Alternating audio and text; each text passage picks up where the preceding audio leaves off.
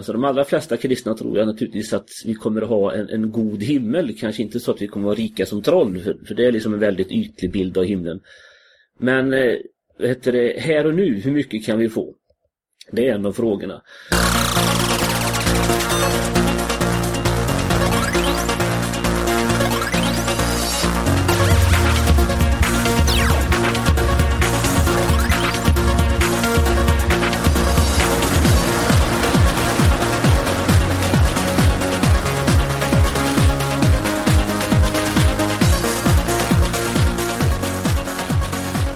Välkommen till avsnitt 65 av podcasten Mellan svart och vitt. Och vi är en podcast som pratar om tro, tvivel, samhällsfrågor och skepticism blandat med aktuella händelser och musiken personlig anda. Och vi som är med er idag är Thomas, Dragan. Lisa. Och Max. Och idag, och idag ska vi prata om framgångsteologi. Men eh, innan dess så tänkte jag börja med en motgång. Eh, jag är ju nere i Thailand här i fem månader. Eh, det är i och för sig inte en motgång i sig men jag har varit uppe till fem i natt med en liten dotter som spydde tolv gånger. Kanske inte det roligaste att få höra men det var väldigt synd om henne. Men vi får väl se. Hmm. Ingen medlidande? Jo, fy. Fruktansvärt. Det är ju jättejobbigt. Ja, det är det värsta som finns. Ja, tack, tack, tack. Men i alla fall, eh, barnen går ju på en svensk skola här nere. Och eh, i torsdags var det en liten intressant sak. Eh, det kom ett gäng buddhistiska munkar på besök och hade en en timme lång ceremoni på skolan. Där man välsignade barnen och personalen. Barnen skulle täcka axlarna och ha byxor som täckte knäna. Och sen skulle man sitta nedanför munkarna. Ja, man var tvungen att sitta nedanför dem, man får inte stå upp eller så. Och sen får man inte ha fötterna mot dem. Eh, och var man tjej då fick man inte heller titta dem i ögonen. Och eh, jag tänkte... Och eh, jag har ett litet kort ljudklipp här som jag tänkte köra också. Så att eh, så här lät det. กรรมกรรมทานตยาคังทันติสุตันตวิทินาชิตวามุนินโทตันเตสสะภวันตุเตชยมังครานิงาลาคิริงกชวรังอติมาตะปูตังอาวาจิจากรรมสเนวสุตารุนันตัง Ja, det var en eh, ordentlig eh, välsignelse. Det skulle väl humanisterna satt i vrångstrupen. Eh, om man skulle gjort det i Sverige kanske. Sen så får ju barnen också ställa frågor och prata med munkarna och eh, jag hörde en liten historia här, om det är en urban legend eller inte vet jag inte, men eh, det var någon som hade frågat en munk i alla fall How long have you been a donut? eh, en annan sak som, som faktiskt hände i den här långa ceremonin då, det var ju faktiskt att helt plötsligt så ringde en mobiltelefon jättehögt. Och det var ju väldigt, väldigt pinsamt om man tittar sig omkring. Men helt plötsligt så hivar en av munkarna upp en mobiltelefon från sin sån här orangea liksom, eh, ja, skynke så och stänger av den. Så att, Vad hade han eh, för, vad hade han för låt? ja, nej men det var en sån här lite funky, funky liksom melodi.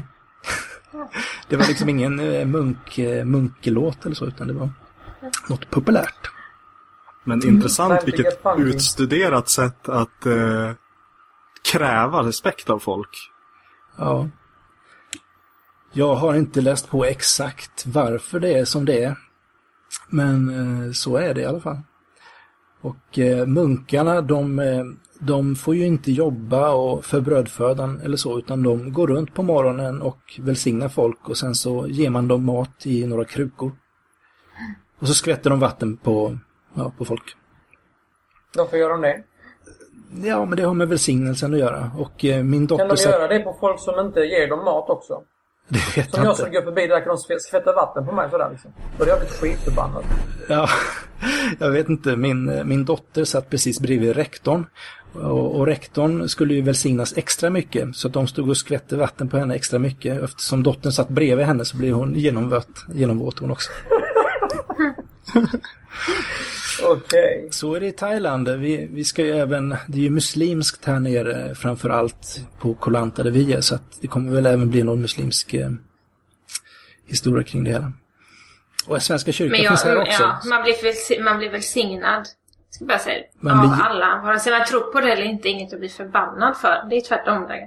Ja, men det, jag Nej, men tror vänta på det, vänta men om man vill välsigna mig så går på gör det. gatan, Om jag Ja. går på gatan och någon skvätter vatten på mig, då blir jag Ja, för förbannad. välsigna Du- dig. Sen så skiter jag, sen så skiter jag i om det är munk eller vad fan det nu är liksom.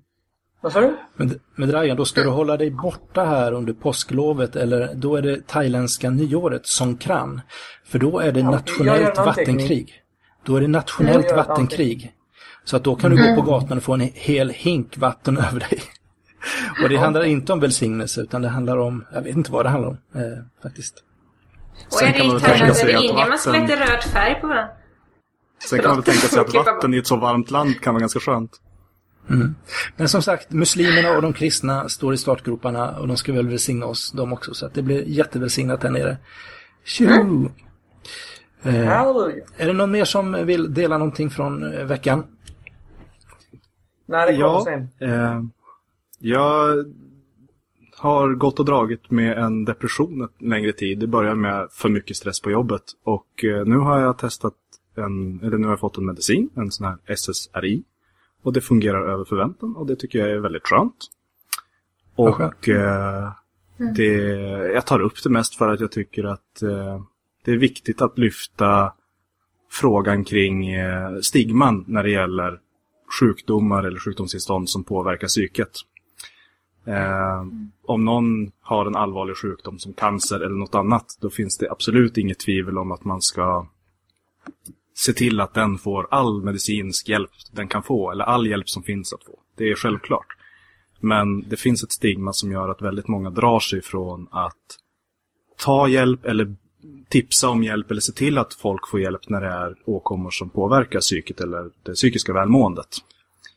Och, Och sen det gör också så att det är vanligt väldigt också. många Jag menar, det, det är ju en, folk, det är en folksjukdom. Jag vet inte om man räknar med att ungefär 10 procent eh, ja, drabbas av depressioner i alla fall. Och nu, nu när det finns bra mediciner också, det kan ju vara en väldig tröskel mot att ska man börja äta medicin för att känna sig okej. Men eh, En fråga bara till Max. Har det några biverkningar? Eh, bipacksedeln säger ju att det finns biverkningar och första dagarna kände jag mig lite lätt berusad men efter det så är, upplever jag bara att jag slipper den här tunga tröttheten och liksom eh, det psykiska liksom lidandet eller bara att... Och jag har Man ska li- bli lite berusad. det är ju en- positiv bieffekt. Nej, inte i det här fallet. Det var mer att jag kände Ah, en distans till verkligheten, lite så. Eh, inte Ah, att okej. jag blev glad på det sättet. Eh, men Mm. man kan också säga att eh, medicin mot, mot depression, det är kanske inte alltid är det enda som behövs. För att ibland behöver man prata ut om saker och så här. Men i mitt fall så är jag oerhört nöjd med allt i mitt liv. Eh, och då blir det helt absurt att gå runt och tycka att livet är pest. Eller inte livet är pest, det är inte så att jag har haft självmordstankar. Men att, att det är tungt och att det är jobbigt och att jag mår, mår dåligt. Men som sagt, med medicin nu så känner jag mig mycket bättre och det är fantastiskt. Jag tack tycker för det att är du... jättebra, att- jag tycker, jag tycker det är jättebra att du, att du säger det. Och precis som du säger, det är en sån enorm stigma och lite tabubelagt att prata om de här sakerna. Så jag tyckte det var starkt av dig att du tog upp det. Tack. Dragan, har du någonting från veckan? Jo, det har jag faktiskt. Eh, jag vet inte, ska jag ta något från veckan eller ska vi ta... Ja, nu, pr- nej, nu pratar jag dig personligen någonting. Mig personligen i veckan? Nej, faktiskt inte. Sådär. Inget, inget Nej. värt att nämna sådär. Allt kan ju vara värt att nämna i och för sig, men... Eh, Lisa? Ja, eh, Eh, jag har gjort mycket i veckan. Ja, en sak jag gjorde i veckan var ju att jag i verkliga livet träffade Pekka från Skeptikerpodden. Eh, och det var trevligt överlag. Men så pratade vi lite om ett ämne som tangerar det vi ska prata om här idag. Eh, och det var just... Eh, för Pekka har skrivit ganska mycket på Twitter och länkat mycket till artiklar som rör det här med Eh, helande och huruvida det är förmätet eller inte att säga att jag har blivit helad eller min son har blivit helad. Eh, och då pratar vi om att om man drar det till sin spets så är det nästan förmätet att känna tacksamhet. Och säga att jag är så tacksam för att jag är frisk. Eh, och att tacka Gud för saker överhuvudtaget. Och att då blir det väldigt svårt att leva för man har så mycket behov av att känna tacksamhet och att rikta ett tack till någon. Så vi hade ganska intressanta samtal kring det som jag känner liksom leder in på ämnet idag sen. Okej. Så det var bara en hälsning från ett poddöverskridande samarbete. Hur var det Dragan? Kom du på något eller? Nej, nej. Jag hoppar nog Okej. okay. Okej. Eh, vi går vidare till aktuella händelser. Dragan, har det hänt något? Ja, absolut. Det var ju en clown som tårtades i veckan.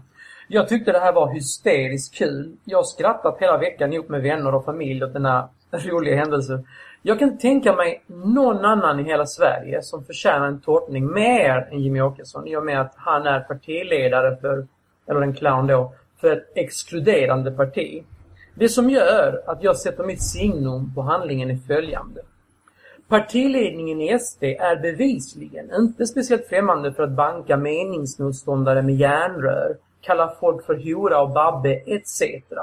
Vad de kommunala företrädarna har gjort behöver vi inte ens gå in på. Vi pratar partiledning här. Mot detta protesterar en vanlig enkel medborgare som är en hjälte i mina ögon. Inte med järnrör, för det finns ingen anledning att svara med samma mynt. Utan hon svarar med clownens medel. Till priset av ett rätt så petitessartat lagbrott. Så Thomas, tyckte du det här var skitball? Nej, jag tyckte inte det var skitball. Jag, jag vet inte. Jag tycker väl att... Eh, jag tycker inte man vinner någonting på det. Jag tycker att det är, att det är en liten förlust faktiskt att man, eh, att man på något sätt ger sig på någon, i det här fallet en folkvald politiker, för att förnedra den personen. Och Alltså man kan ju bara gissa om effektiviteten, men sådana här harmlösa, extremt humanistiska motiverade aktioner måste ju demokratin faktiskt kunna tåla. Tycker du inte det? Det här är ju inget Men- seriöst parti. Men du menar alltså att smälla en tårta i ansiktet på en så är annan det är en extremt humanistisk... Att det är en hu- extremt humanistisk aktion.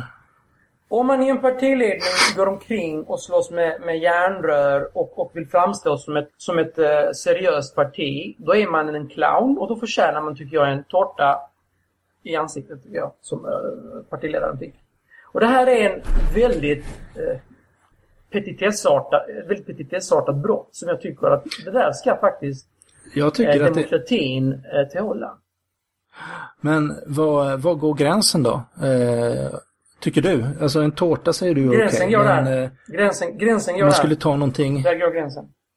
Så tårtan är Alltså det, okej? har ju, det har ju varit Spo- flera spotta i ansiktet. Det- Spotta i nej, ansiktet, tycker är det jag okej? lite- det- Nej, det tyckte jag lite väl. Men det har ju varit flera tårtningar redan och liksom att man har gått vidare från tårtor till något annat, det, det, det finns det inget dokumenterat fall whatsoever på. Så att den där, det där håller inte att man ska gå vidare liksom bara för att, bara för att man tycker att det där är okej. Det, det, det här Det är en act. Det, det är en handling. Jo, sen- Det är en handling utförd som en protest. Väldigt petitessartat, men med stor effekt. Hon vill visa att hon, hon, tyck, hon tycker att det här som händer i landet, det är fruktansvärt fel. Och hon ser partile, partiledningen gå omkring med järnrör på stan, kallar folk det ena och det andra och kommer undan med det. Då kan fan hon komma undan med en tårta också. Det är helt okej tycker jag. Sen är det en annan aspekt av det hela. Det är ju att det är ett misslyckande för Säpo. Eh, att Ja, hon kommer igenom. säga. För att som sagt, det kunde ju ur en Ja, det säkerhetsaspekt. Jo, nej men ur en säkerhetsaspekt så skulle det ju kunna varit en, en kniv lika väl. Det finns som sagt, eh, på samma sätt som han fick en tårta så fick även Bosse Ringholm en tårta. Jo, men När jag Bosse menar att- Ringholm fick en, vänta, när Bosse Ringholm fick en tårta så var det ingen som pratade om Säpo och sånt. Nej, men Det som var ingen sagt, som pratade om ett hot om demokratin. nej, men Jimmy Åkesson är en av Sveriges mest bevakade politiker. Eller personer överhuvudtaget. Det är ju rätt, vad ska man säga, det är ju... Men ska Det är vi ju gå in i pinsamt. Det är ju säkerhetsaspekten rätt nu? Jag, jag, jag, pinsamt. jag tycker, var, det, var det rätt eller fel? Det är ju det vi ska prata om. Vi ska inte prata om liksom, säkerheten. Det känns väldigt... Så det är en annan fråga. Alltså, jag tycker principiellt att eh, det är fel. Och det, dels är det ju fel för att det inte ska kunna hända. För jag tror om man är eh, partiledare också offentlig så lever man nog alltid med en liten medvetenhet om att eh, jag kan bli mördad. Tror jag faktiskt lite grann. Och när det händer något, att någon kommer så nära, så blir den rädslan tror jag väldigt stark för en själv, även om det är en tårta. Det är det ena och därför så, även att det bara var en tårta så att det kunde varit något Men annat men så vänta, jag tror. Nej, för jag pratar färdigt. Okej. Så jag tror att det blir en ganska stor sak för en själv. Eh, och det blir det för Bosse Ringholm och sådär också. Annars skulle man ju inte minns det nu, 12 år senare. Eller vad det är. Och det andra, jag tror inte det är så att genom att kasta en tårta på Jimmie Åkesson så blir det så att massa fler blir Sverigedemokrater. Men varje grej man gör som bidrar till att Sverigedemokraterna kan framstå som offer och som förtryckta och som en liten grupp som lever farligt i samhället. Varje gång så ger man dem liksom det... Man stärker dem i det knepet som de kör, att liksom locka missnöjda människor. Och så tror jag inte det, står man lite så på gränsen och tippar så är det så att, att Sverigedemokraterna blir starkare ju fler som känner så. att Titta vi som ingen lyssnar på, vi som är de missnöjda, vi som far illa. Och då stärker man dem i sin så vi-identitet. Så, så det ligger lite i det argumentet också. Att genom att säga det här, liksom, titta ni är dumma i huvudet, ni är clowner, vi lyssnar inte på er. Så hjälper man till liksom i, i den identiteten Man ska- bygger man ska hålla sig- man ska-. Alltså låt oss komma ihåg vad vi pratar om. Eh, Åkesson är inte som vilken partiledare som helst. Han är nationell makthavare idag i spetsen för ett sällsynt obehagligt exkluderande parti. Dess politik skulle, om den genomfördes, vara direkt livshotande för hundratusentals asylsökande och göra livet bra besvärligt för många kvinnor, HBT-personer etc. Så att det här är ingen vanlig politiker vi pratar om. Och liksom en sån här Det- liten alltså de har ju själv gjort betydligt mycket värre grejer och då, då är det faktiskt okej tycker jag för en medborgare att, att, att, att, att göra en protest på ett så här petitessartat sätt. Jag tycker inte att det är okej och jag tycker att det är väldigt tråkigt att det hände. Jag håller med Lisa väldigt mycket. Sverigedemokraterna bygger sin retorik på att vara utanför, eh, underdog och vara offer. Vi vet att de, om de får makten, kommer bli hemska förövare. Det är vad som ska synas. Varje fall när de faktiskt blir ett offer. I det här fallet var Jimmy ett offer för ett övergrepp. Och det spär på deras retorik. Och det tycker jag inte att de ska ha. Sen tycker jag att det är fel eh, av mer principiella grunder. Jag tycker att man har rätt att vistas i Sverige utan att ofredas. Jag tycker inte att man ska sabotera politiska möten, vilket jag hävdar att en boksignering med en partiledare ett år innan ett val är. Det är ett möte mellan författare och eh, läsare och i det här fallet en partiledare som är författaren. Jag tycker inte man ska sabotera politiska möten. Det är en grundläggande demokratisk rättighet. Eh, och jag tycker att Ja, nu, nu säger yttrandefrihet det, definitivt... du, du säger det du som ett eh, politiskt möte, det gör ju inte jag. Och den, om vi någon, är någon nyfiken på just den diskussionen så kan de gå in på Facebook och kolla på den. Ja, Och så det vi finns mycket att läsa. Är det ett politiskt möte eller är det en boksignering? Jag ser ju gigantisk skillnad på det. Det är, det är Ja, inget politiskt och jag tycker att det är ett politiskt möte. Men vi kan lämna Ja, att där, det. Eh, där går men det isär, det-. Men det största problemet jag har med det här är att det spär på eh, eh, det, det ger eh, Sverigedemokraterna ytterligare ett argument för i, i sin, sin retorik att de skulle vara utanför, att de Det vara drabbade, att de gissa. vara Alltså, det, motarbetare. alltså, alltså effektiviteten kan man gissa liksom. Alltså, det, alltså hur Ja. effektivt detta är, åt vilket håll. Det är bara att gissa det. Poängen är här att hon ville manifestera, precis som partiledningen har manifesterat att de är dumma i huvudet. Så vill hon Ja. manifestera mot detta då. Men Dragan, på, på, det på detta sätt att kasta en tårta. Problemet är att eh, nästa vecka så vill någon manifestera genom att lägga en påse bajs i Björn Söders brevlåda och sen vill någon liksom göra det ena och det andra och, och om vi som samhälle säger Kan att du ge det mig är okej. något exempel, kan du ge mig något exempel där en tårta har resulterat i att man har gått vidare? Ja, vi Det får väl se. många, Vi- det har tårtats många eh, genom åren här. Ja, vi får se, men Jag jag, tycker tror att inte- det finns en Nej, skillnad nej, nej, här. men vi har sett. Vi har sett. Bosse Ringholm blev tårtad, kungen blev tårtad. Jag tror Mona Sahlin också har blivit tårtad, eh, jag är inte hundra. Men det är flera Nej, men- stycken som har blivit tårtade. Det har aldrig lett till någonting efter det. Det finns det papper på, så att säga. Så att, Okej, eh, men jag tycker det- att vi det- Jag tycker att det är utvisa. Det ovidkommande. argumentet håller inte. Vi låter Jag tiden tycker att det är utvisa, jag. ovidkommande. Ja, okej. Jag tycker att det är också olyckligt att vi pratar om Sverigedemokraterna och diskuterar rasism så mycket, alltid som att eh, nu är det så att det finns det 10% av Sveriges befolkning som är dumma i huvudet. De är folk, de är de, de är utanför, de är de knäppa. Som att det var en helt väsensskild art från oss andra. Eh, istället för att eh, också prata om samhället i stort och samhällsutvecklingen och säga så här, hur kan det komma sig att hela 10% säger sig vad vill jag rösta på dem? Vad är samhällets liksom, ansvar? Vad är mitt eget ansvar? För rasistiska strukturer byggs ju upp av alla. Eh, och eh, Nej, det är inte alla. så att det är, det är inte så att det är eh, 10% idioter och 90% eh, smarta, fina människor. Och att då är man safe på den andra sidan för att man inte röstar på dem. Så när fenomenet växer så bör man också liksom kolla på det som stort. Och det gäller både när man pratar om här så kallade ras och kön. Så alltid se vad är min roll i det här? Annars kan man aldrig få ett bra samtal i samhället i stort. Och så länge vi bara tänker, ja men det är för 10% idioter. För kan det vara så då imorgon att det är 15% som är idioter? Eller är det så någonting som händer i samhället som vi ska prata om på ett högre plan? Någonting jag tycker är viktigt att titta på också, det är att det finns väldigt många effektiva kampanjer historiskt sett med civil olydnad. Där man på olika sätt tänjt på de regler som gäller i samhället för att få ut sin sak.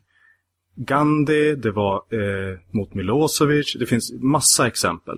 Men någonting som är gemensamt för i stort sett alla de effektiva eh, kampanjerna som har in, inbegripit civil olydnad, det är att de har varit stenhårda på att hela tiden behålla eh, det moraliska övertaget. Att alltid vara bättre än de som de eh, motverkar. Och det är jätte, jätteviktigt. Och Men, men de som gjort. har gått över... Hon har inte gått omkring med järnrör. Hon har gett en tårta i Nej. ansiktet på honom. Liksom. Alltså det, det, är- det är ju bättre Ja. än vad de är. Så. Ja, det är det. Men det är inte tillräckligt mycket bättre. där. Nej, men Det är inte tillräckligt mycket bättre, för det är ett Hon ville ofredande. markera. Och det gjorde Bra. hon. Och nu markerar Ja, jag och jag att vi tycker går att de vidare gjorde på ett felaktigt eh, sätt. Nu markerar jag att vi går vidare i programmet och vi ska hålla oss till Sverigedemokraterna för att eh, någonting som gjorde att eh, rätt många kanske satte kaffet i fel strupe var när man såg en annons eh, med inbjudan till en match mellan Kristianstads FF och något annat lag där bland annat Sverigedemokraterna stod som sponsorer. Eh, själv blev jag mest förvånad och det skulle bli intressant att veta hur det gick till. Så här, att någon, någon kommer in till idrottsföreningen och säger Grabbar, jag tror jag vet någon som vill sponsra oss. Jag, jag sprang på en kille som heter Kent Ekeroth häromdagen. Um, och jag undrar förresten vad de andra sponsorerna tycker som, som då står vid sidan om det här. Sjukt. Jag blev chockad när jag såg den. Jag behöver nog inte säga så mycket där. Folk vet vad jag kommer säga. Så att, berätta ni andra. Ja, nej men så ehm, man kan ju undra också om det här var, var det första gången det hänt eller är det, är det någonting som vi kommer att få se mer av? Vi får väl Det se. hoppas jag inte. Eh, innan vi går vidare till veckans huvudämne så ska vi införa ett nytt litet moment där Max förklarar olika begrepp som man kan stöta på inom skeptikervärlden. Och veckans skeptiska begrepp är det dags för. Take it away Max. Ja, det jag tänkte prata om idag, det är en term som kallas cherry picking.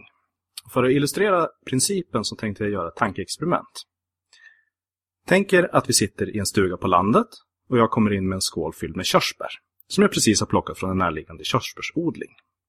Bären är stora och perfekt mogna. Med utgångspunkt från bären, vad kan vi säga om bären på körsbärsträden? Har du några kommentarer? Några tankar kring det? Inte sådär jättemycket. Alltså, man skulle ju kunna tänka sig att, eh, att de mognar ungefär samtidigt men eh, man vet ju heller inte. Det kan ju vara rätt stora variationer. Ja, det kan vara så att jag har letat i timtal efter de första mogna bären och att resten är omoget. Det kan också vara så att allting är maskätet och ruttet, förutom några få bär som jag lyckats hitta. Eller så är alla perfekt mogna. Det kan också vara så att allt är plockat, att det inte finns några bär och att jag lyckades plocka åt mig de sista. Så utifrån skålen med bär som jag presenterar så kan vi inte veta särskilt mycket. Det enda vi vet med ganska god säkerhet det är att jag har valt ut fina bär. Och det i sig visar ju att det inte är ett representativt urval.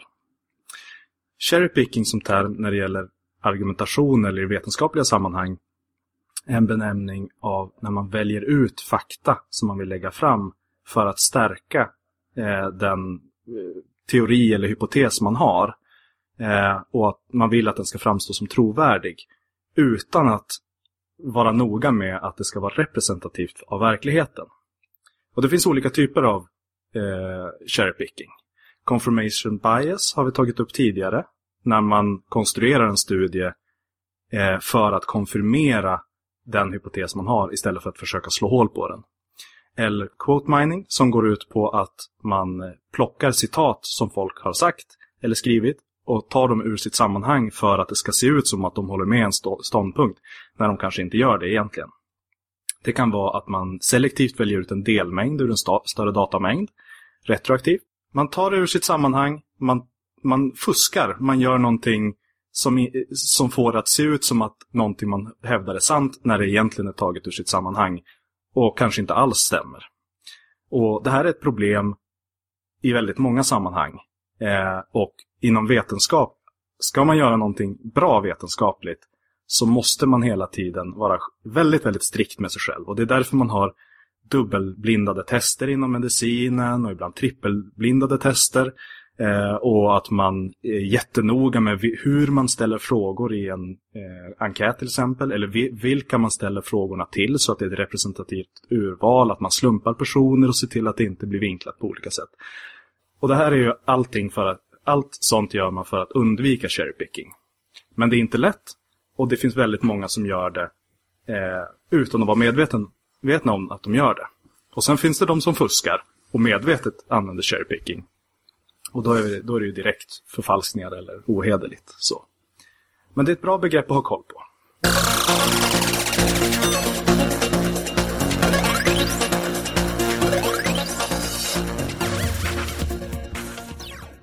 Då ska vi prata lite om framgångsteologi och med oss i studion, som inte är en studio i alla fall, har vi Lars Gunther som är pastor i Equmeniakyrkan. Välkommen till Mellan svart och vitt. Tack så mycket. Eh, du kan väl berätta lite kort om dig själv bara först. Jag är 66 född och uppvuxen utanför Borås. Har tillbringat min tonårstid i Sjömarkens missionsförsamling och ett par år till. Utbildade mig till pastor 90 till 94. Har haft tre församlingstjänster och också jobbat en sväng som datalärare på gymnasiet. Kallas på nätet för IT-pastorn. Hängiven basketfantast. Ja, lite så. Varför kallas du för IT-pastorn då? Eh, jag fick det smeknamnet av Åke Geresand som grundade teamorganisation i början på 90-talet därför att jag var en av de allra första han överhuvudtaget stötte på som var ute på nätet. Så jag var, vad ute på nätet redan... Vad, vad var efternamnet på den killen? Geresand. Åke... Aha, okay. Åke Geresand. Ja, Geresand. Ja, okej. Okay. Inte Gren. nej, inte Gren. Nej. nej, okej, okay, fortsätt. Det var ju tur det, annars så skulle ja. det... Annars hade vi lagt ja. ja. Men eh, okej. Okay, ja. Så att eh, du är lite 50-50 pastor nu eller? Jag är just nu, jag brukar säga att jag har tre halvtider. Jag är pastor halvtid, jag är teologistudent och läser på en masternivå halvtid och jag eh, skriver läromedel i webbteknik på halvtid. Okej, okay. spännande. Eh, du läser teologi på halvtid sa du. Eh, det här med framgångsteologi, vad är det egentligen för något? Och är det samma sak som trosförkunnelse som man också brukar prata om ibland? Jag gör en distinktion mellan trosförkunnelse och framgångsteologi. Jag säger att framgångsteologi det är ett sätt att tala om hur mycket vill Gud ge oss av materiell framgång, hälsa och liknande här och nu. Alltså de allra flesta kristna tror jag naturligtvis att vi kommer att ha en, en god himmel. Kanske inte så att vi kommer att vara rika som troll, för, för det är liksom en väldigt ytlig bild av himlen. Men eh, heter det, här och nu, hur mycket kan vi få? Det är en av frågorna. Trosförkunnelse däremot i bestämd form, trosförkunnelsen, ser jag som ett sätt att beskriva hur vi ska komma in i den här beskrivning då av vad Gud eventuellt skulle ha lovat enligt framgångsteologin. Alltså det är en metod eller ett sätt att eh, komma in i en nivå av tro så att man hela tiden kan ta emot ifrån Gud. Okay. Så på det viset kan man säga att man kan vara framgångsteolog utan att för den skull ha en trosteologi i den här snäva betydelsen. Men du kan eh, knappast vara en trosförkunnare utan att vara framgångsteolog också. Okej. Okay. Jag fick, eh, jag slängde ut frågan på, eh, på Twitter. Eh, hoppades få svar från sådana som Ulf Ekman, Anders Gärdmar, eh, Stefan Svärd kanske, Tommy Dahlman. Tji fick jag, men eh, Christer Hultberg, vår kära pingstpastor i Lund, han svarade i alla fall att eh, framgångsteologi är trosförkunnelse som handlar om jag, mig och mitt. Skulle du stämma in i det? Det är en polemisk definition. Ja. Alltså, så som definition skulle jag inte stämma in i det, för definitioner bör vara neutrala tycker jag. Ja. Däremot så tycker jag att eh, det är väl så att framgångsteologin så som den gestaltas har det problemet med sig att den sätter säga, hela tiden frågan i fokus. Vad kan jag få från Gud? Hur mycket kan jag bli välsignad ifrån Gud? Och därför så blir den väldigt egocentrerad i längden. Okej. Okay. Jag har en eh, fråga. Eh, är framgångsteologi samma sak som prosperity gospel? Som full gospel? Prosperity, gospel. Var det? gospel. Ja, prosperity gospel, okej. Okay. Prosperity gospel, jag hörde lite dåligt där. Eh, ja, till stort sett kan man säga. Prosperity är ju ett specifikt fokus då, nämligen eh, den materiella välsignelsen, pengar, ägodelar, att man ska kunna få bli rik. Så på det viset kan man säga att Prosperity Gospel är ett namn på, på den aspekten av framgångsteologi. Framgångsteologi brukar också inkludera hälsa, att man ska få vara frisk. Men hur fungerar själva läran? Vad, vad bygger man den på? Eh, man bygger den på Bibeln antar jag, men hur, eh, hur får man det gå ihop? Ja, alltså om vi talar om framgångsteologier, vilket jag gärna gör i pluralis då eftersom det finns olika varianter, så handlar det naturligtvis om att man tittar på de bibelord som talar om att Gud är god, att Gud vill välsigna, att Gud har väldigt mycket att ge. Eh, och alla sådana här läror bygger ofta på, på enskilda sanningar men de bygger på enskilda sanningar som jag ser det på bekostnad av andra sanningar och det är det som är bekymret att det blir en obalans i det här. Eh, eller att man tar enskilda exempel i Bibeln och lyfter upp och gör till allmänna regler på ett sätt som de kanske inte ämnade utifrån en sund bibelläsning. Okay. Det kallas för cherry picking, någonting som vi ska gå igenom lite senare. Men jag har läst en sak om framgångsteologi som gjorde mig väldigt orolig. Och visst, eh, vissa saker är ju det här att man ska ju bli väldigt rik och så. Men sen har vi motsatsen också, att sjukdom, handikapp och olyckshändelser som drabbar enskilda personer, att det är Guds straff för individens personliga synd och otro. Ja, eh, så skulle inte en regelrätt framgångsteolog, åtminstone inte i den varianten Nej, jag sett jag, i, i, Sverige, vad, uttrycka sig. Du? Vad tycker du? Eh, vad jag tycker? Ja, alltså, jag ser det så här för det första, att jag är naturligtvis inte överens med, med den beskrivningen. Alltså det är inte så jag ser på saken. Uh, ja, men, men Livets Ord gjorde det till exempel någon gång? Uh, nej, alltså det, det, här är en väldigt vanlig kritik av Livets Ord. Jag menar att den faktiskt är missriktad. Och det säger jag inte för att jag är, är Livets Ordare uh, i någon mening. Alltså de, de ser det snarast det här som en andlig kamp.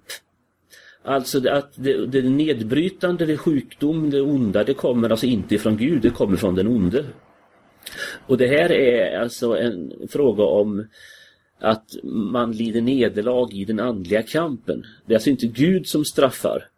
Men den troende har då enligt framgångsteologin ett antal väldigt statiska sätt att ta till sig Guds seger. Och det är det som är bekymret. Alltså att de säger Gud har lovat seger. Ja, men är inte, är inte, bekymret, är inte bekymret att man anklagar föräldrar som för ett handikapp barn att de, har för, de är för svaga i sin tro. Det är dem det är fel på. Det är deras fel. Är inte det bekymret?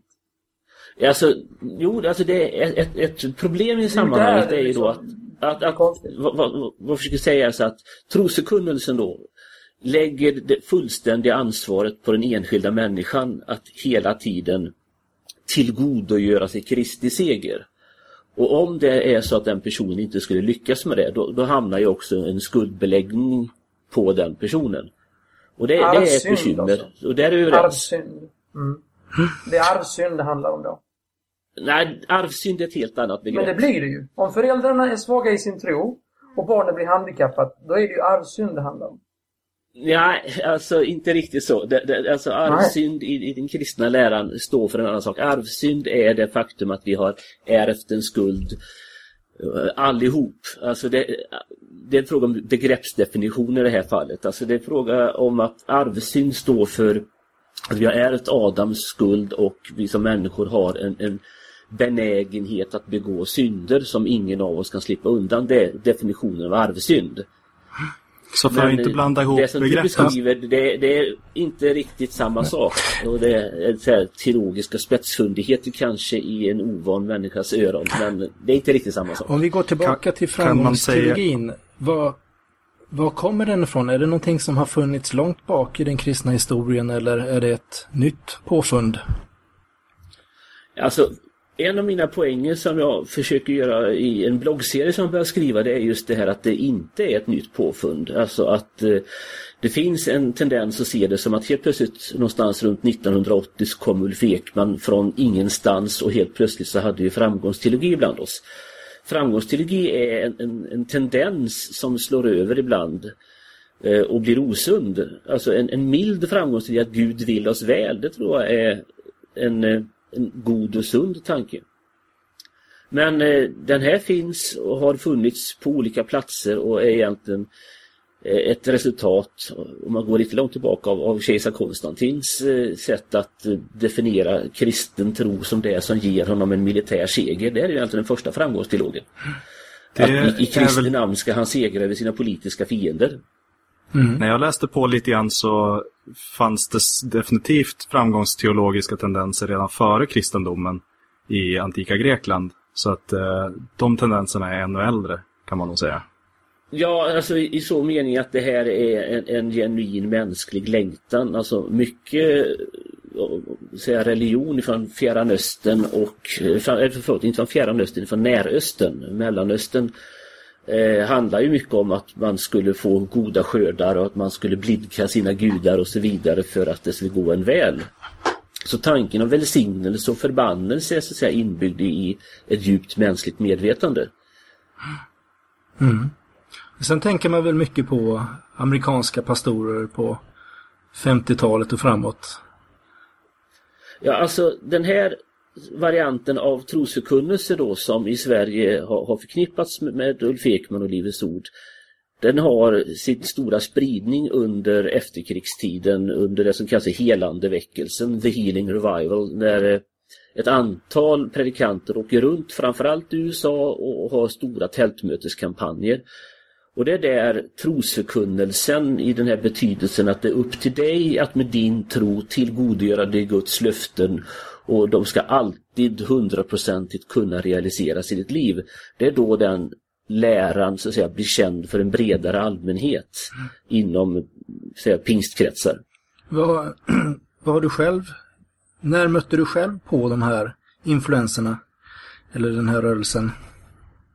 Ja, alltså jag mötte dem personligen i, i början av 80-talet eh, och, och, då var det framförallt genom att eh, sådana som var ett par år äldre än mig som var med i församlingen hade varit på sommarkonferensen Ljungskile som det hette som var en stor kristet möte på somrarna och där huvudtalaren hette Harry Greenwood och han var eh, en trosekunnare i ungefär samma tappning som Ulf Ekman och som också på ett väldigt tydligt sätt på en av dessa sommarkonferenser sa att nu lämnar jag över stafettpinnen till Ulf Ekman, nu tar han över mitt jobb här.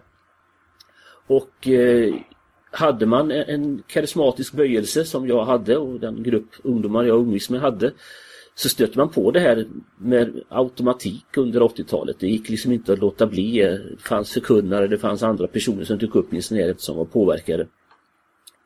Eh, och själv så var jag till en början väldigt tilltalad av tanken att Gud vill göra mycket mer än, än vad man hittills hade sett. Det var liksom det som tilltalade mig. Eh, att när andra förkunnare kunde säga jag tror på helande så tog de ett exempel som var 20 år gammalt och så men så underförstått att sen har det inte hänt något. Så i de här sammanhangen så kunde man få 20 exempel i veckan snarare. Eh, och det som en ung person som verkligen ville tjäna Gud och ville få ut det mesta av, av det kristna livet så var det en tilltalande tanke. Men var det en upplevelse att det faktiskt fungerade i praktiken också eller? Eh, jag hann aldrig komma riktigt så långt in i det att, att jag hann göra den här resan in, att jag anammade läran och sen blev besviken på den eller så. För att Eh, jag studerade under min gymnasietid grekiska och konstaterade att den versen som framförallt Kenneth Hagen då, Ulf Ekmans lärofader i Talsa, byggde upp större delen av sin teologi kring att den versen var som han eh, beskrev den felöversatt. Han sa tro att du har fått det så kommer du att få det. Det är från Markus evangeliet. Alltså tro att det är ett realiserat faktum. Och om du tror att det är ett realiserat faktum så kommer du också se det här uppfyllas med dina ögon. Okay. Och, och, så kan man inte översätta den säga Markusversen för att eh, det är fel verbform i grekiskan för det. Okej, okay. hur, hur, ska det, hur ska det vara? Eh, det står snarare så att eh, tro att du får det eller tro att eh, alltså själva mottagandet står i centrum, inte att mottagandet är fullbordat. Alltså Hegins lära bygger på att mottagandet är fullbordat men den grekiska verbformen är eh, vet du, troligen Auristus som betonar mottagandet i sig. Alltså inte att det har skett utan att det är någonting som sker när du ber. Mm. För det var ju oavsett om det är så att man märkte ett under eller att man hade blivit välsignad så skulle man ha en positiv bekännelse. Och att den i sin tur skulle ja, ha en nästan magisk kraft. Ja, det är ju själva definitionen av trosförkunnelsen i bestämd form. Alltså det, mm. Som jag då för att göra det riktigt tydligt gärna använder engelskan för word of faith. Alltså att jag ska uttala trons ord. Eh, och, och det ska sen tur skapa verkligheten i min omgivning omkring mig. Mm. Eh, som sagt, det kom ju då influenser, eh, inte minst under 80-talet, till Sverige och framåt. Men hur, hur ser det ut idag? Eh, anser du i, i Sverige, till exempel när det gäller med de här framgångsteologiska bitarna? Ja, jag ser ju att de har en, eh, det, en mer undanskymd roll idag. Alltså för det första är Livets Ord idag inte alls vad Livets Ord var för 20-30 år sedan. Livets Ord har idag lugnat ner sig betydligt på de här punkterna och har en mer balanserad undervisning. Och det de beskylls för idag är ju helt andra saker snarare som att de ligger för påven för nära eller sådana eh, diskussioner.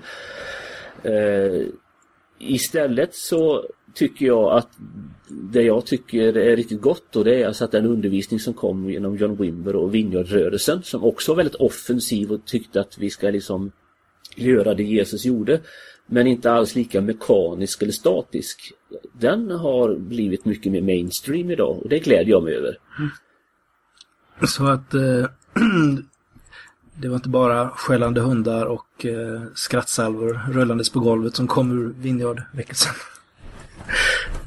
Eh, den eh, fasen du beskriver där är ju, vad heter det, det man då kallar för Toronto-välsignelsen och det skulle vi kunna ha kanske ha en egen diskussion om. Ja, det kommer vi ha också. Eh, Jag har också en väldigt eh, egen relation till Toronto-välsignelsen. så att eh, vi spar på den till ett annat ja. avsnitt helt enkelt.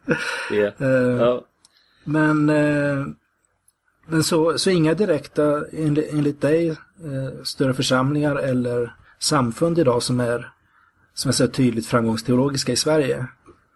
Inte i den här eh, tydliga varianten som vi fortfarande kan se i USA då Nej. kring förkunnare som, som Kenneth Copeland eller Creflo Dollar. Eh, så Kenneth Hagin själv har avlidit för några år sedan. Mm. Men... Men, det finns några andra här då som är ganska stora i USA och är fortfarande kör liksom på i samma hjulspår. Det tycker jag inte vi ser i den här renodlade formen. Mm. Däremot så tror jag att, att frestelsen att tänka framgångsteologiskt dyker alltid upp inom åtminstone den sortens kristendom som jag vill stå för, nämligen den karismatiska kristendomen. Mm. Alltså det finns en tendens i oss människor som vi pratar om är flera tusen år gammal som gärna tar över handen och, och som kan göra att det finns framgångsteologiska eller trosförkunnelseinslag lite här och där. Däremot kan man väl säga att tros, eh, trosförkunnelsen lever väl och frodas inom trosrörelsen i alla fall. Eller? Ja fast jag ser inte att den är lika mekanisk idag. Nej. Alltså, man, man, pratar om att tro har stora välsignelser i sitt släptåg. Eller i, som följdverkning. Det pratar man fortfarande om. Ja. Men jag ser inte att den är lika mekanisk. Att den bygger på att du ska tillämpa det här som, som en statisk metod. Mm. Jag vet ju Lisa var ju uppe på Europakonferensen där för ett tag sedan och då, då hade man bjudit in David Jongishu som en av talarna. Och eh, du upplevde väl hans predikan som väldigt framgångsteologisk, yeah. Lisa, eller?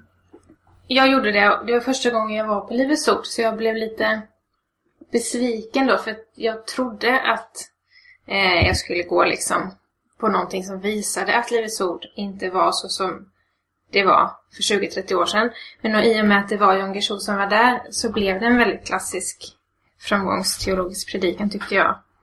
Mm. Med både hälsa och eh, prosperity, pengar och materiellt. Och sen Benny Hinn något år tidigare och så. Då verkar man ha lite otur med dem man kallar. Jag hörde inte vad du sa. Eller eh, Lars, reagerade du ja, också alltså... på eh, John Guillous eh, predikan där eller? Jag var ju inte där som sagt, jag har bara läst om det i efterhand. Ja, alltså vad vi kan säga, just nu så verkar det väl som att eh, runt Europakonferensen och liknande så bjuder de ibland in en och annan talare för att visa att de fortfarande håller ställningarna, får man uttrycka det så. Alltså, jag ser en skillnad mellan enskilda talares uttalanden på Europakonferenser och det som är den regelbundna mm. undervisningen under året i övrigt. Men att Jan Guichot är en person som har en väldigt stark eh, betoning på finansiell välsignelse det är ju knappast ett understatement. Mm. Okay. Och i den betydelsen tycker jag att han är en dålig lärare. Mm. Sen Visst finns det även, det finns ju stora väckelserörelser i Sydamerika och, och så vidare. Är de framgångsteologin en en komponent där också, eller? Alltså framgångsteologin globalt sett är ett eh, problem eh, som, som är ganska stort. Alltså det finns de forna östländerna, stora församlingar i Ukraina, eh, Afrika söder om, om Saharaöknen, Latinamerika, Fjärran Östern. Så att globalt sett så är det här långt ifrån en liten rörelse. Eh, alltså kanske en, 5, 10, 15 procent av alla personer som bekänner sig som, som karismatiska kristna i någon mening är nog berörda av trosförkunnelsen. Och då pratar vi alltså om ja, kanske 100 miljoner människor i värsta fall men troligen runt 25-50 miljoner världen över. Det är ju rätt lätt att dra paralleller till positivt tänkande och liknande. Och eh, det, just det här att man på något sätt eh, ja, tror att man ska få framgång eller tror att Gud är med en och så. Det, det kan ju ge en, en rent, ge en kraft rent mentalt, rent psykiskt som kanske gör att man, att man tar initiativ, att man tänker positivt eh, och på det sättet också ja, får framgång eller att det då går bra. Eller hur, vad tänker ni andra? Jag tänker ju på Prosperity Gospel som jag har läst på lite grann om nu. Att det är ju en lära som definitivt ger pengaframgång för de pastorer som proklamerar läran. Eh, eftersom de i predikan trycker väldigt hårt på att man ska ge pengar till kyrkan. Vilket i, i praktiken blir att de ger pengar till pastorerna som står och predikar. Så att eh, jag tror att det finns många fall av väldigt cyniskt utnyttjande av den här typen av tro. Men, vad jag tänker att om det för individen, alltså finns det mekanismer i det här som för individen eh, kan fungera positivt på samma sätt som så här, positivt tänkande och coachning och sånt där.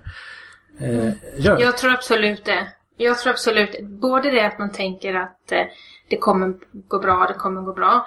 Eh, det gör att man klarar av, kan vara att man klarar av behandlingar om man har cancer till exempel mycket bättre för man tror att man kommer bli frisk. Och det andra också att man har någon att rikta tacksamhet mot och liksom bejakar sin egen tacksamhet gör att eh, man får liksom kraft att bli frisk, vilket ju påverkar kroppen också.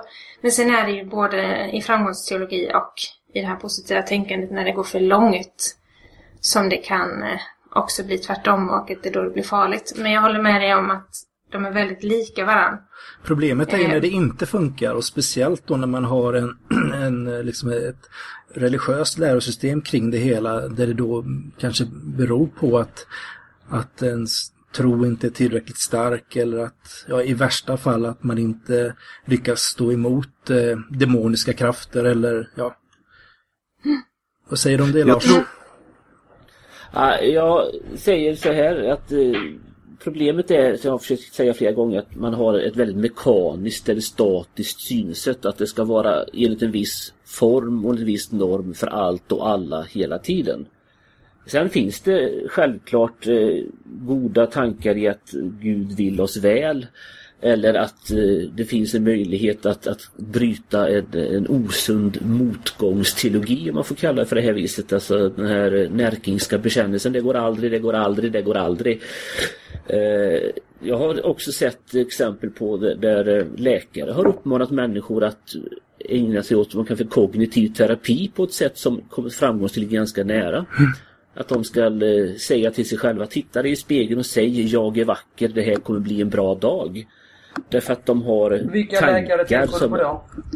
Vilka läkare tänker du på? I det här enskilda fallet så eh, naturligtvis är det så att den här är det, bara ett, är det bara ett enskilt fall eller är det flera läkare? ja, det är fler läkare. Alltså kognitiv terapi är ju någonting som används av väldigt mycket fler läkare men det, det enskilda fallet jag tänkte på som som gjorde att det här dyker upp i diskussionen. Det var alltså en, en kvinna jag hade i en församling i min första pastortjänst. Som gick till läkaren för att hon, hon led av kronisk depression och hon hade väldigt negativa tankemönster. Ja. Han uppmanade henne att, att uh, försöka bearbeta dem med hjälp av positiv bekännelse helt enkelt. Och det gjorde han utifrån en Positivt tänkande menar du väl inte bekännelse? Det är positivt ja, alltså, i den betydelsen att han ville att hon skulle det, uttala det. Vad sa du? Alltså i den, i den meningen att han ville att hon skulle uttala det här som en affirmation. Var han religiös? Läkare? Nej, det var han inte. Nej. Nej men då kan han inte prata om bekännelse. Ja, det, finns ju flera, det finns ju flera ja, alltså, betydelser av ordet bekännelse. Vad jag försöker säga här då är att det fanns en väldigt tydlig parallell. Alltså det, det här okay. var eh, så att om man såg vad den här kvinnan hade för rekommendationer från sin läkare och vad hon hade för rekommendation från sin son som var pastor i en trosförsamling en liten bit bort så sa de i princip samma sak. Och det fanns en väldigt tydlig parallell där. Ja, men Dragan, en positiv bekännelse kan ju till exempel vara för en anorektisk tjej att titta sig i spegeln och säga att jämföra, jag är Du kan inte jämföra kognitiv terapi med, med liksom saker som kommer från en frikyrka liksom. Alltså det är ju, jo, jag alltså tror att man kan jämföra dem. skilda ting. Alltså det går inte att jämföra. Eh, jag tror att man kan jämföra ja. dem, men man bör vara väldigt medveten om eh, var, var liknelserna slutar. Eh, jag tänker på att eh, kognitiv terapi, eh, nu har jag inte hållit på med det, liksom, var, varken eh, förespråkat eller satt in mig jättemycket, men om jag har förstått det rätt så är det ett väldigt effektivt sätt att jobba med beteendemönster och självvärdering så att säga. Eh, och där kan man definitivt hitta liknelser i framgångsteologin. Eh, men någonting man också ska vara medveten om att bara för att man lär sig värdera någonting eller lär sig tro att någonting blir bra betyder inte att man lyckas få det dit. För att baksidan av att bara säga det här kommer gå bra det är att man kan bli passiv, passiv och bara tänka att det här kommer gå bra utan att faktiskt göra någonting åt det. Så att eh, bara att tro att någonting kommer gå bra, det räcker inte utan man måste också förstå att man måste handla och göra någonting åt sin situation. Och det är ju baksidan av en teologi som för mycket bara pushar för att man ska tro och hoppas att det ska gå bra. Jag kan säga att jag instämmer väldigt mycket i det som Max sa där på slutet, eller helt och hållet. Eh, bara som reflektion snabbt här till Dragan då. Att, eh, alltså jag ser inte att det här är samma sak. Jag tror inte att positivt tänkande i framgångslogisk mening och kognitiv terapi, att, att du kan lägga det här och säga att ja, det här är exakt samma sak. Men det finns en, en om man tänker sig det här som två cirklar i ett litet minivändiagram, en liten beröringsyta. Alltså det finns en, en, några gemensamma nämnare Även om det inte äh, i grund och botten bygger på samma säga, läror från start. Men frågan som alltså, Thomas ställde från början här var ju att äh, finns det någonting i det här som kan vara gott? Och, och som ni har hört på mina ja, tidigare resonemang så är jag ju rätt tydlig med att jag inte ställer upp på, på ganska mycket i det. Va? Men alltså, finns det någonting i det här som kan vara gott? Och då tror jag att här fanns det en intressant parallell. Och det är väl snarare det att det är det som är det frädiska, att eh, samma eh, Eh, rent psykologiska mekanismer som kan fungera positivt i den kognitiva eh, terapin också kan fungera positivt i ett sånt här sammanhang. Vilket gör då att det kan finnas personer som, som då blir bekräftade i den här teologin, vilket gör också att man får, eh, att man får de här som inte det går så bra för, eller de här som ger väldigt mycket pengar då till eh, tv-pastorer eller andra. Så. Och det är ju det som är problemet. Problemet är ju inte att det alltid inte fungerar. Problemet är att det fungerar ibland. Ja, alltså hade det inte varit så att, att några personer upplevde det här som en befrielse och hjälp, då hade den här sortens rörelser inte uppstått. Alright. Nej men det var väl ungefär, jag tänkte att det här får bli en liten introduktion till det här med framgångsteologi och trosförkunnelse. Vi kommer säkert gå in djupare både på enskilda rörelser och eh, andra manifestationer och eh, läror runt omkring det här. Eh, och kommer du fortsätta din bloggserie förresten? Jo, det, den har stannat upp lite grann för att jag har haft så väldigt mycket annat att göra. Eh, så jag kommer fortsätta blogga om det här på itpastorn.nu. Jag kan inte garantera att det kommer ett nytt inlägg i veckan för jag har en hel del annat som jag vill göra också, som sagt. Eh, min blogg är lite annorlunda än de flesta andra så jag skjuter inte från höften utan eh, varje inlägg tar ett antal timmar att skriva och forska om och jag vill sen ha en, en långsam diskussion med mycket eftertanke så att eh, min blogg är inte lik så många andras bloggar här som mer handlar om vad tänker jag på idag. Alright, Nej men då tackar vi för att eh, du kunde vara med oss. Tack så mycket. Ja, hej hej. Hej. hej. Vi går över till veckans citat och jag ska börja med eh, ett ord från Buddha. Det finns två misstag man kan göra på vägen till sanningen. Att inte gå hela vägen eller att aldrig börja gå. Mm. Vad säger ni? Det var så djupt så jag måste... Nej, jag tycker det var jättebra. Att inte gå hela vägen, det betyder egentligen att man säger en halv sanning. Och att även en halv sanning är en lögn. Det är väl lite så, va? Man tänker. Jag tycker att han har missat en uppenbar. Jag tycker att man kan säga att det finns tre misstag man kan göra på vägen till sanning. Att inte gå hela vägen, att aldrig börja gå, eller att börja gå åt fel håll. Mm. Och jag, jag, kan känna, jag kan dra en liten parallell också till det vi har pratat med med framgångsteologi och kognitivt tänkande och sånt där. Att, eh, ja, det här att aldrig börja gå, ett, ett, så, ett negativt tänkande som gör att man aldrig tar steget, det, det gör ju att man eh, kanske inte kommer så långt. Och i det här att ibland finns det inte en rätt väg, ibland är det rätt att gå. Och så skapar man sin egen väg medan man går också. För risken är att man inte vågar gå åt något håll för man inte vet vad som är perfekt. Dragan, så klokt. Dragan har du yes. någon förnuftig funderare? Absolut. En riktigt bra den här, den här veckan får jag säga. Som jag är väldigt nöjd med. Jag har till och med twittrat ut den i förväg på Twitter. Den lyder så här. Att trycka upp en tårta i nyllet på en pajas är inget hot mot demokratin. Så okay. är det skulle nästan vilja säga att eh, det är kanske eh, att det är pajigt. ja, lite. det är mycket paj. Nej, det var ju en tårta, det var ingen paj. Vad är det du säger? Nej, men att, att, att, gö att göra det är pajigt. Alltså att det... Ja. Nej, nu vet inte om det var så bra. Okej. Okay.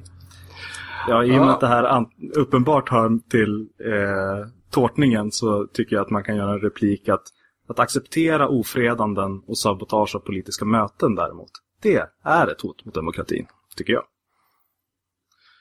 Då kan vi kanske säga som så här med är, är även veckans oförnuftiga funderare. eh, med det så vill vi tacka alla som har varit med oss den här veckan också. Eh, och hör gärna av er med kommentarer eller bara för att snacka lite skit här under veckan. Så att eh, ha det riktigt bra så syns vi. Hej då! Hej då! Du har lyssnat på podcasten Mellan svart och vitt. Vi finns på iTunes och på www.mellansvartovitt.se där du även kan kommentera avsnitten. Följ vår Facebook-sida och vårt Twitterkonto som heter svart vitt. Vi andra har Twitterkonton Thomas Schoberg, Draganist, Tant Erik och Lisa Emilia A. Vår jingel är gjord av Dragans band The Lounge.